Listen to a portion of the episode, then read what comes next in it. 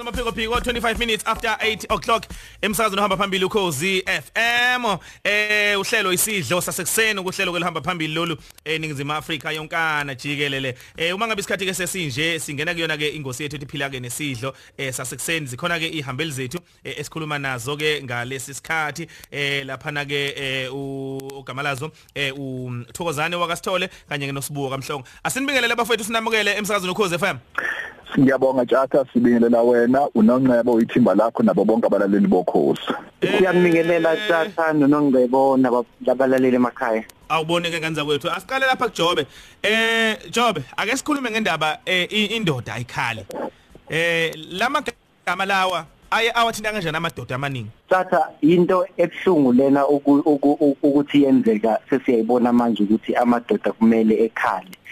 Um kumele indoda ikhale and ayayilimaza kakhulu emqondweni because ngokukhula kwawo atshelwa ukuthi no umuyindoda kumele uqine umuyindoda kumele ugwinye izinto oyifaya ngaphakathi. But iqiniso ukuthi sonke singabantu and sinama emotions inezinto esizizwayo and the more ungakhali uyawujika umqondo wakho kunezinto ezigcine seziaffecteka oyigcine sezenzeka ogcine nawe usuyithola usukuzona. Buka nje manje ukuthi sine nqwaba yabantu besilisa abahlukumeza abantu besifazane of which sikubiza phecelezi toxic masculinity. And leyo nto leyo iqhamuka from imbangela ya ukuthi abanye babantu besilisa abakwazi ukuyitshengisa imizwa yabo obetshengise ubuhlungu ababhekene ababhekene nabo empilweni. Mm, mm kuyezwakala. Mhlambe sibuye kuwena Njomani ungayichaza kanjani indaba eh lamagama adume kangaka athi indoda ayikhali? Ngokubona kwakho kuye kwadala mphumonakala emadodeni? Ngiyabonga kakhulu Nqanqebo ngibingelele futhi naku nakuJob uzakwethu aphinda abe umzala ngoba ngizalwa uMasithole. Em empeleni kunomthelela omningana ongaba khona. Oqala ukuthi uma umuntu engakhali leyo mizwa ayivalele ngaphakathi angagcina seyikhiphela ngaphandle.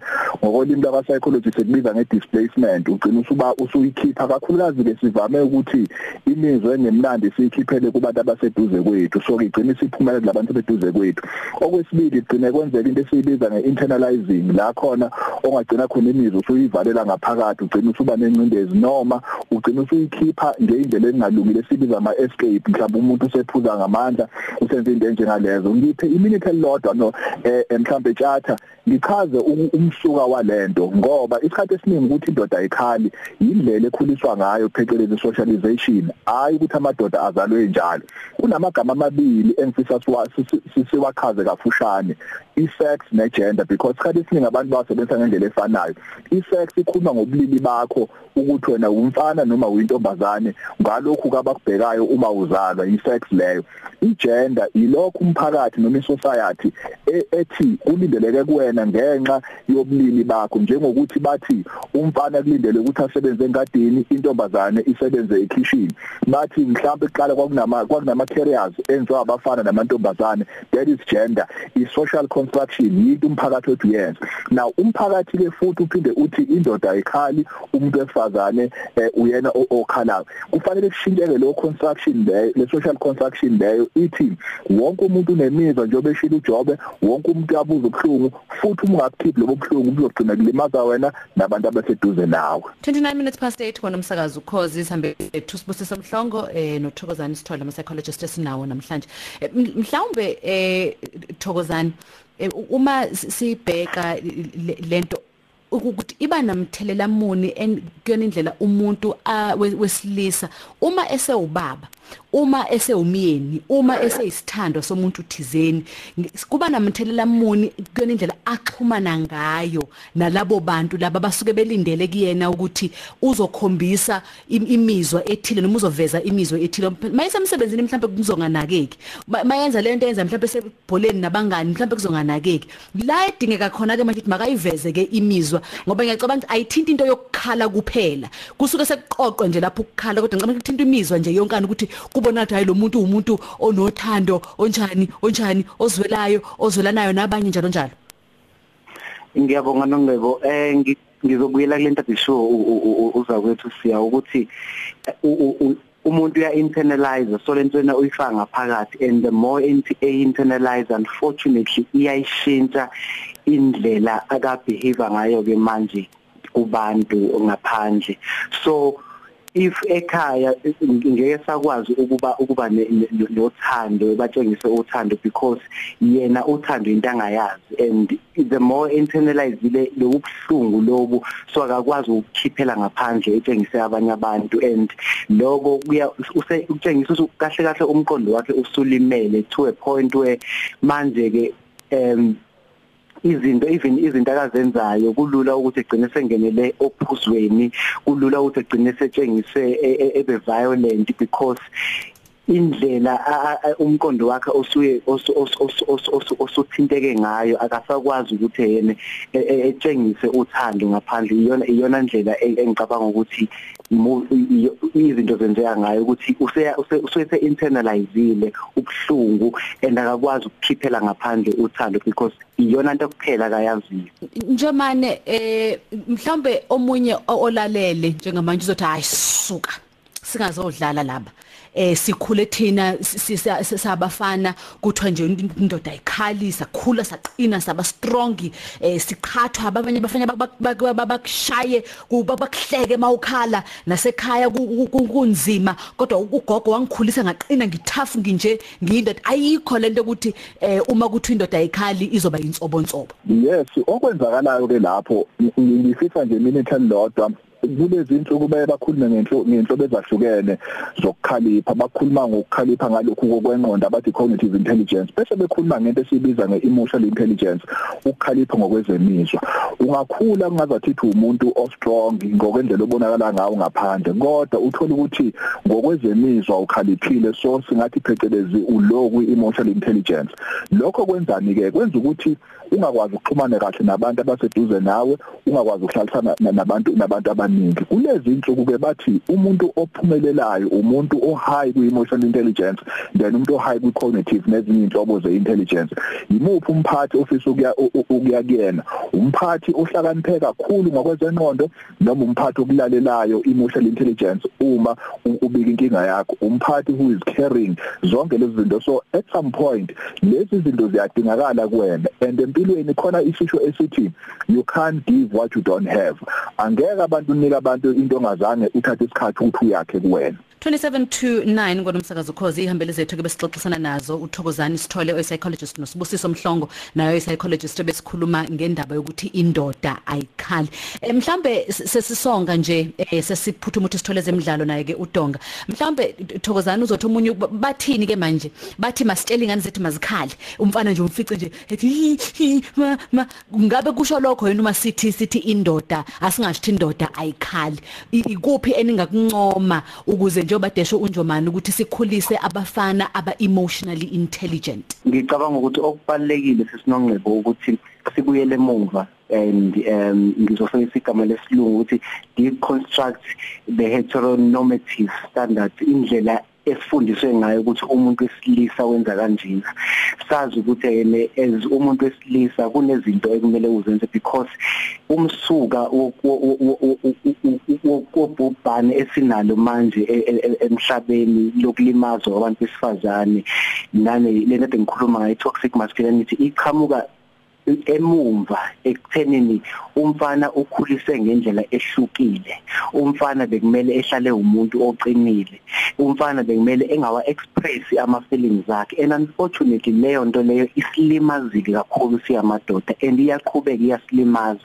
So kubalekile ukuthi kusukela manje ezisiwo baba or si abantu besilisa sikhulisa abantu beingane zabafana siqale sifundisa ukuthi yazi indodana akumele kubalekile ukuthi ube utshengise ama emotions akho. Kubalekile ukuthi sazi ukuthi kwenzakalani because ngalesi sikhathi ukugcina ngaphakathi umqondo wakho uyalimala and i personality yakho iyashintsha. Okay eh eh kuyezwakala ngenza kwethu. Sesiphetha nje sicela ukuthi ke siphethe nganaka ama voice note abalali bethu eh niwalalelisise ukuze mhlambe eh, umzuzu nje wodwa niphawule ngawo uma ngabe eh sebeqedile. Ngobe ngiyaphila kodwa mina ngcebo cha mfowethu hayi angizwa sengikhala nje. Hayi hayi hayi akuzwakali.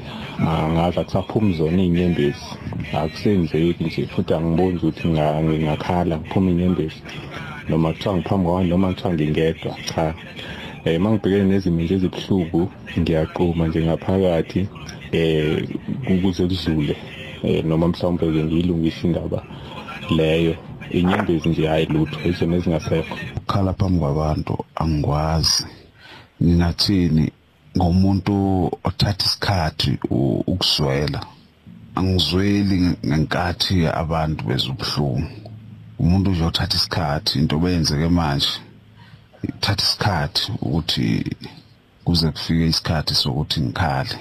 Kodwa nje isikhathi esiningi ngiba ngedwa endlini nje ngivala umnyango ngikhaleke ngizwe ukuthi hayi sengiright ngikhuleke bengiqeda futhi kundlulileke kuyobe sekuphelile.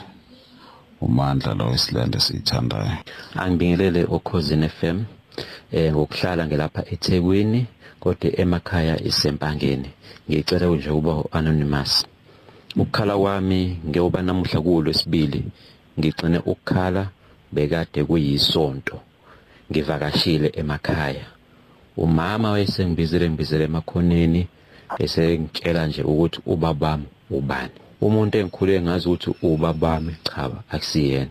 So now semele ngibhekana lencindezi ukuthi manje ngizala kwenye indawo hayi lapha kade ngicabanga khona. So ngesikhathi umama engitshela engikhale isililo wasondela umama impela wathi mntana nami ngicela ungakhali ungakhali abantu bazothini?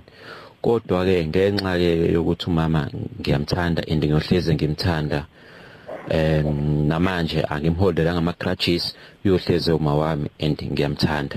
Kuyezokala ke insizwa zethu ziphawule kanjalo. Mhlambe bafethu ningathini eh sasiphetha nje ngalamadoda athe aphefumula? Um butata kunento engifuna ukuthi ngibaxwayise yona yeah uma kuthiwa khala akushiyo ukuthi lesanizwe udinga isililo but okubalekile ukuthi kumele u express ama feelings akho uwatshengise ukwazi ukukhuluma. Noma ungasakhalanga but ukwazi ukukhuluma.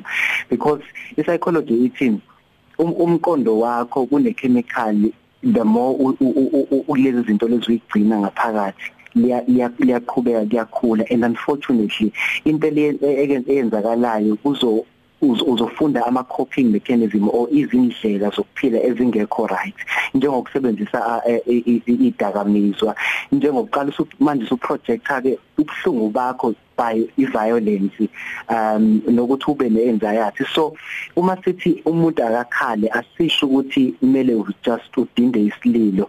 Sifuna ukuthi ubuyeze ukwazi ukuhlala ukhulume ngezinkinga o izinto ezobhekene nazo kunokuthi uvesane ukugcina ngaphakathi. Because into ebulala kakhulu ilokhu kugcina ngaphakathi okugcina sekushintshe ipersonality yakho as umuntu and igcine indlela owenza ngayo izinto as umuntu. Yebo yebo nje man yes no ngifisa nami ukuthi ngigcirela ukuza kwethu. Nangesizulu nje kwake kuthiwa umuntu umekhala uyabhodla so uyayibuza umuntu uthi uma amadoda wona engayikhiphi imizwa abhodla kuphi? Kubalekile kodwa futhi ukuthi eh mhlambe igama lami lokugcina lelo kunento esiyibiza ngama cues kwa psychology ukuthi izingane kakhulukazi zifunda from ama cues ngama maze zifunda ukubukela ukuthi abantu abadala benze njani social learning. So uma kuukuthi sesakhe izizukulwane esizoba emotional intelligent kufanele sikwazi ukubona ngelanga ubaba ekhala ngoba eshonele umama wakhe nobaba wakhe. Zibone bese lokho kuyanormalize ukukhipha imizwa ebhlungu asinganormalize kuphela ukukhipha imizwa emnandi kodwa singakunormalize ukuyikhipha lebhlungu ukuze sathi izizukulwane ezothi noma ngelanga enenkinga akwazi ukuthi akhiphe imizwa negative aze futhi aconsult psychologist ayokhuluma kuyona ngoba sekunormal ukukhuluma ngama emotions a negative Mm no kuyezwakala siba kakhulu bafethu eh ngeqhaza leni libambile namhlanje ohlelweni eh cishe enikhulumile. Amadoda ahlomlile kona. Siyabonga kakhulu simfisela usuku oluhle. Siyabonga nakini kanjalo. Siyabonga. All right eh ama psychologist ethu ke lawo besikhuluma nayo uthokozani sithole kanye ke nosibuwa kamhlongo eh osukwini lanamhlanje. Yebo eh indoda iyakhala bakwethu ngisho ungabheka umlando ubheka amadoda aqavile emlandweni ubheke ushaka kasenza ngakhona isilo sakwadukuza eh isilo sakwabulawayo mhla sishonele unina eh indlovukazi uNandi sakhala sadazuluka sakhala umlando usho njalo eh sililo sabasikhulu ngendlela ngendlela mangalisayo namhlanje emlandweni kunesisho esishoyo ukuthi eh isililo kukhihlwe esikaNandi ngoba isililo saba lapho sasesabeka ngenxa ukuthi lalikhala kakhulu ilembe. Uma ubheke eBhayibhelini uJesu Kristu ezwa ukuthi umngani wakhe uLazaro ufile wakhala inyembezi kusho iBhayibheli wakhala khala inyembezi. Ngikhuluma ngamadoda emadodeni la eh amakhosi eh oqobo. Akhala inyembezi. Ngakho ke bodla dedela lokho kungaphakathi kuwe. Noma kanjani uzokwelapheka enhlizweni sedlule leso simo sibhlungu osuke ubhekene naso.